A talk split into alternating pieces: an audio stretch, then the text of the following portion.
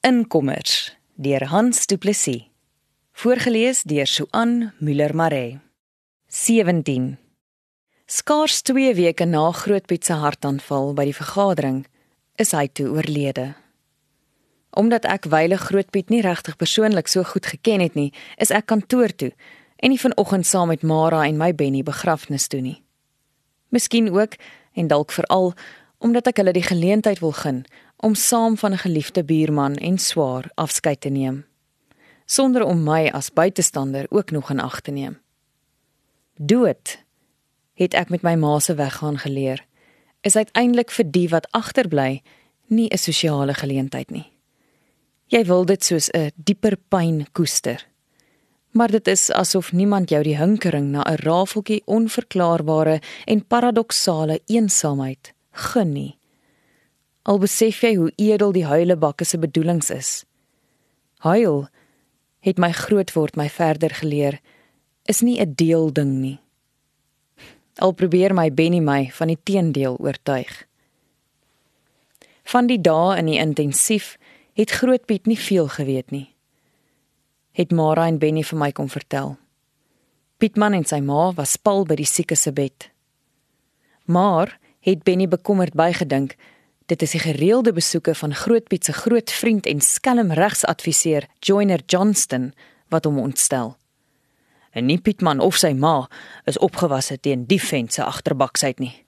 Erger nog, Markie is deesdae Nonnie en Pietman se kundige en enigste raadgewer en dit is gevaarlik. Veral as Markie eers op haar navorsing begin staatmaak en boonop ou Johnny as geloofwaardige getuie roep. Dit, my liewe meisies, voorspel niks goeds nie. Net nou, toe ek meneer De Bruin se tee vir hom in sy kantoor geneem het, het hy terloops opgemerk dat ek Benny tog moet waarsku om meneer Johnston dop te hou. Hy wou nie verder daarop ingaan nie. Eers toe Benny en Mara laatmiddag van die begrafnis afkom en ons elk met 'n glasie wyn op die balkon sit om die son te groet, het ek die erns van meneer se waarskuwing beter begin verstaan. Kon jy toe met Johnston praat, Benny? Vra Mara met haar oë op die Nyala bil wat sy daaglikse brood op die vlak tussen ons en die rivier aan die vreet is. Ek dink Benny het nie die vraag gehoor nie, want hy sit in gedagte na die Nyala en kyk. En net toe ek die vraag vir hom wil herhaal, antwoord hy ongelukkig, ja. Hoe so? Vra Mara verbaas. Markie het vir my kom sê dat Grootpiet glo 'n Nuwe Testament in die hospitaal geteken het. Ek het Johnston ewe onskuldig daarna gevra, maar hy het net sy rug op my gedraai en gemompel dit het niks met my uit te waai nie en ek moet my neus uit sy saak hou en ek is beslis nie een van die begunstigdes nie. Maar was Grootpiet die laaste ruk ooit by sy volle positiewe? vra ek. En wie het as getuies geteken? Ek weet nie. Manoni het gesê ek moet vir Markie vra. En wat sê sy? Nee, sy sal my môre kom sien en verduidelik hoe dit werk. O, gat. Kan ek nie help om te sê nie. Benny glimlag. Toe maar hartlam. Sy sal eers môre kom verduidelik wat ons dommes nie kan verstaan nie. Nou kan ons net eers ons drankies geniet. Bokant ons koppe gil die visarend en dan kan julle kom eet. Ek het na werk vir ons makarone en kaas gemaak. "Sjoe," sê Mara met 'n laggie in haar stem. "As jy nie versigtig trap nie, kry jy eersdaags dalk 'n huweliksaansoek." Ek en Mara kyk vir mekaar. Benny drink sy wyn en merk droog op. "Daarvoor het ek nie pasta nodig nie. Net liefde. En dit sterf mos nie uit nie." Ongelukkig sê hy niks verder nie en ek gaan in om tafel te dek. Kom julle binne eet? Vra ek in die braaikamer deur. Al weet ek dat Benny dit sal verkies om binne by 'n tafel te eet. Binne asseblief hartlam. Ek kan nie op my skoot eet nie. Hy sluk die laaste bietjie uit sy glas en lag ingehoue. Ordentlike mense sit by 'n tafel en eet. Hy staan op. Jy bedoel eintlik ou mense, nie ordentlike mense nie, terg Mara. Niks met ouderdom te doen nie, is net ordentlik bly hy stry. Ordentlik is ook maar relatief. Ek moet daarom ook deel van die gesprek wees. Ouderdom ook, skerm Benny en soen my op die voorkop soos hy by my verbyloop. Dankie tog daarvoor, sug ek en neem sy hand. Laat ek net die ou man tafel toe begelei. Net nou breek hy iets wat hy nie eers geweet het hy het nie. Oogies toe, sê Benny, toe ons al drie aan tafel sit. Of is bid ook nou oudtyds? Party goed word nooit oud nie, sê Mara en ons maak ons oë toe. Party mense ook nie, sê Benny, amper sonder om asem na sy amen te skep. Ons eet 'n rukkie in gesellige stilte voordat Mara vra of dit nou regtig waar is dat Grootpiet 'n Nuwe Testament op sy sterfbed geteken het. Dit wil al hoe meer vir my so lyk. Maar volgens Markie kan ek dit nie sien nie, want Joiner bewaar dit glo veilig in sy kluis. Benny sit eers 'n vurk vol makaronie in sy mond, kou rustig en sluk. Markie sal my laat weet, dan kan ek saam met haar die saak bekyk. Klink vir my maar bra vir dag, sê Mara en sit haar mes en vurk langs mekaar na haar leebord neer. Gaan sit julle twee buite. Ek bring koffie. Sy maak die ketel onder die kraan vol. Ek staan teen die balkonreëling en kyk na die blink sterre wat in die water tussen die bome blink.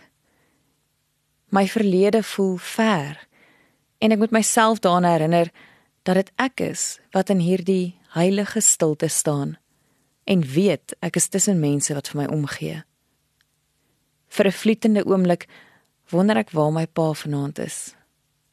Die buitekant van 'n tronk het die regter laas geoordeel, sal jy in jou lewe nie maklik weer sien nie.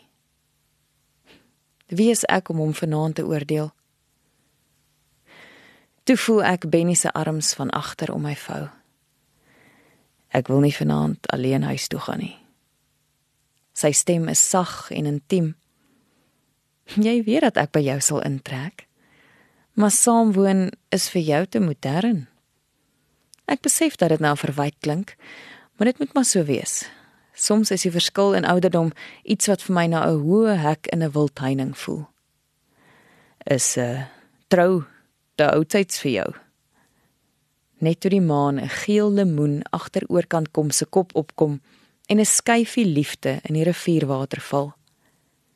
Ek dink dit is my hart wat in my keel te kere gaan, maar ek draai moedswillig stadig in sy arms om. Vra jy my om te trou, Benny Afrikaner? Ek soen sy antwoord weg totdat hy uiteindelik sy stem kan gebruik. Sal jy? Of is die generasiegaping te groot? Die liefde is blind, selfs vir 'n gaping, my lief. Steer ek? Vra Mara met die koffiebekers in die deur. Nee, my liewe vriendin. Ek soek juis 'n betroubare getuie. En Benny wonder of ons jou kom vir 'n trouwenue kan gebruik. Ek dink sy moes iets gemors het, want ek hoor hoe Mara haar asem intrek, maar ek kan nie sien nie. Want 'n ordentlike meisie soen nie 'n man met oop oë nie. My Benny is 'n paar dae later opsigtelik ontsteld en moedeloos toe hy van sy sending na Johnny en Markie terugkom. Sonder om soos gewoonlik my eers innig te groet asof ons mekaar weke laas gesien het, kom hy na 6 eers van sy broer en skoonsister af die huis in en sak willoos soos 'n sak lap in die naaste gemakstoel neer, sommer in die voorportaal. Vryf moeg oor sy oë en laat sak sy gesig in sy hande sonder om 'n woord te praat. Ek gaan langs hom op die leuning sit en druk sy kop teen my bors vas. Ek voel die snik deur die breë skouers ril. Was dit so erg, my lief? Erger. Asem my in sy hande uit. Is Markie weer te slim om te luister? Wat sê sy van die testament? Benny lig sy kop uit sy hande, vee trane uit sy oë. Kug. Waar is Mara? Ek wil nie dat sy alles hoor nie. Sy het vir Jasper iets in die groot kloof gaan wys. Is dit so erg dat sy nie moet hoor nie? Die opsigtelike gekonkel met Grootpiet se boedel is erg genoeg. Maar dit is die toestand by Johnny se bus wat my verder ontstel het. Ek weet nie hoe die twee dae kan oorleef nie. Soos twee skarrelende veldmeisies. Maar Markie verseker my dat dit met hulle goed gaan. Gertjie help ook 'n bietjie uit haar beursgeld wat sy by die staat kry. Bly hulle op Grootpiet se grond? Nee, hulle bly mos op die verste suidoostelike hoekie van Mara se grond. Maar ek weet nie of Mara ooit nog weet dit is kom grond nie. Het hulle nie ander blyplek nie? Nee. Maar hulle praat van by Gertjie gaan woon sodra sy klaar gestudeer het. En wat het van Gertjie en Meld geword? Dit is nog die ene liefde, klink dit vir my. Johnny praat selfs goed van sy aanstaande skoonseun. Sy politiek draai ook maar vinnig. 'n Mens se politieke seil, mymer Benny, draai mos maar saam met die winde van jou eie behoeftes. Rasisme is, so lyk dit vir my, maar net veldiep. Buite brom Mara se bakkie. Ons wag net vir Mara. Dan vertel ek vir julle die tragiese komedie van Swaar Grootpiet se testament waaruit my arme sus Nonnie nie 'n duit sal kry nie. Mara draal 'n hele rukkie voordat sy in die voordeur staan en vraend na ons twee op dieselfde stoel kyk. "Wat het jy uitgerig?" vra sy vir Benny en gaan kiert soos 'n meerkat in die antieke kombuisstoel sit. "Waar's Jasper?" vra ek. "Hy's nog in die veld en sal sommer by die onderste hek uitgaan. Ek het vir hom 'n sleutel gegee, dan kan hy kom en gaan soos wat hy wil." Sy kyk by my verby en ek weerhou my daarvan om iets lafs kwyt te raak. Nou is nie die tyd daarvoor nie. "Vertel Benny." Benny sluk, maak keel skoon en begin. Hy het aanvaar dat Markie sou oorry kom toe, maar sy het 'n WhatsApp gestuur om te sê dat sy al die strokies en dokumente by haar oplêer het en bang is dit raak te mekaar. Dat sy nie geld vir diesel het nie, is eerder waar, maar dit sal sy in der ewigheid nooit erken nie. Toe ry my Benny na hulle toe. Hulle het langs die bus in die koelte van die drolpeer by 'n opslaantafeltjie gaan sit. Dit was net hulle drie, sy en Benny en Johnny. Laasgenoemde het omtrent nie 'n woord gesê nie, maar daarom deurgaan sy kop geknik om die waarheid van sy vrou se stellings te onderskryf. Markie het haar verweerde toevoulêr versigtig oopgevou met haar regterhand oor die lospapiere gevee en verklaar dat haar navorsing bevestig Pietman en die prokureur het as getuies die laaste wil van Grootpiet in die hospitaal onderteken. Was die man ooit by sy volle positiewe? het Benny skepties gevra. Prokureur Joyner hou vol dat die dokter dit kan bevestig. Johnny knik sy kop as getuie van die volle waarheid. En wie er wat? het Benny gevra omdat dit duidelik was dat hy hulle nie daarvan sou kon oortuig dat hy die bepaalde prokureur se woord nie sommer so sou aanvaar nie. Eintlik erf Pietman byna alles. Dan mag hy as begunstigde mos nie teken nie, onderbreek ek. Vertel dit vir Markie als weet, antwoord Benny en vertel verder. Nonnie erf niks nie, maar Pietman moet vir sy ma sorg solank as wat sy lewe. As Pietman die plaas sou verkoop, gaan die helfte van wat oorbly nadat die verband betaal is, na Pietman se nageslagte toe. Dis al. Ek het nie geweet van 'n verband nie. Is jy seker, Markie? Dood seker. Grootpiet het my in sy vertroue geneem, was Johnny se kommentaar. En die eksekuteur, wou Benny van Markie weet. Die bank. Ek wil juis vra dat jy vanmiddag saam met my inry dorp toe, Benny. Net na 2 is hulle bank toe. Johnny is nie saam nie, te veel werk. Wat se werk kan Benny nie sê nie. Daar's nie eers meer 'n kroeshoender op die verwaarloosde werf nie. Die bank was 'n mors van tyd asof die verloop van die besoek vooraf afgespreek is en hulle net vergeet het om Benny daaroor in te lig. Die vrou van die bank het hulle verwag, want Markie het die afspraak die oggend bevestig. Sy het nog Benny se foon gebruik omdat haar ligtyd op was. Dit gelyk of die vrou nie in die kleinerige kantoortjie hoort nie. Ongemaklik en verskrik soos 'n verwilderde hondjie wat in 'n hoek vasgekeer word. Markie het die mens aan my voorgestel, maar ek vergeet vir die oomblik haar van. Op nie een van ons vrae het sy 'n antwoord gehad nie. Net op enige navraag gesê dat dit banksaake is en dat sy nie die mag het om boedelsake met vreemdelinge te bespreek nie. Ons is nie begunstigdes nie. Ons is maar net hier om Pietman se belange te beskerm. Benny trek sy asem diep in en blaas dit met 'n lang sug uit. Toe maak ek die groot fout om haar daarop te wys dat Pietman regtig hulp nodig het. Hy verstaan nie altyd alles nie. Dit was die enigste keer dat daar 'n sprankie emosie op die bankvrou se gesig was. Die trek van haar dun lippies wat onder ander omstandighede dalk 'n meewarige glimlag sou kon wees. Asof sy wou te kenne gee dat sy dit weet. Hulle is onverrigte sake daar weg. En sluit Benny af. Ek weet nie wie Pietman gaan bystaan nie. Want die bankamptenaar gaan nie help nie. En Markie sal sorg dat sy wat Markie is, hoofonderhandelaar en adviseur is. Benny staan op en gaan in die deur staan met sy rug na ons toe. Ek was gister by Pietman, kondig Mara aan en kyk by my verby. Daarom bemerk sy seker nie my verbasing nie. Jy kan maar effens ontspan, Benny. Benny draai stadig in die deur om en kyk vraend na Mara. Sy pa se dood slaan hom harder as wat ek verwag het en tant Nonnie is verlore al asof sy nie registreer wat om haar aangaan nie.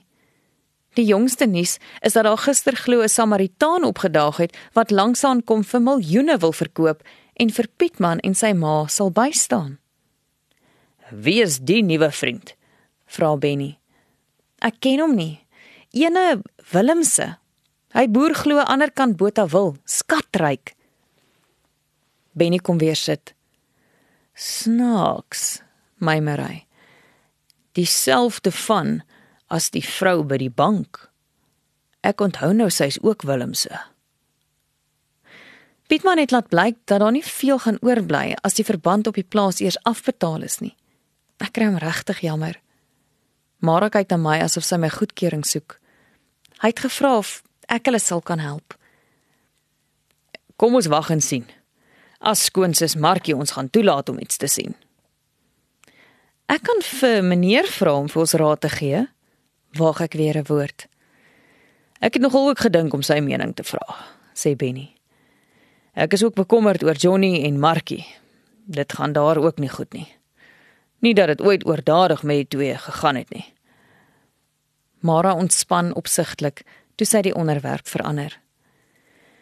Ek en Gertjie het vanoggend ook gepraat, Sy en Mel dink daaraan om hier langsaan by Mel hulle se naweekplek in te trek en die twee ou mense by hulle in te neem. Oef, hulle sien kans vir baie. Is Benny se droë kommentaar. Dalk het ou Markie nou iets anders om haar neus mee besig te hou. Of sy het meer tyd om haar aandag aan Grootpiet se boedel te gee.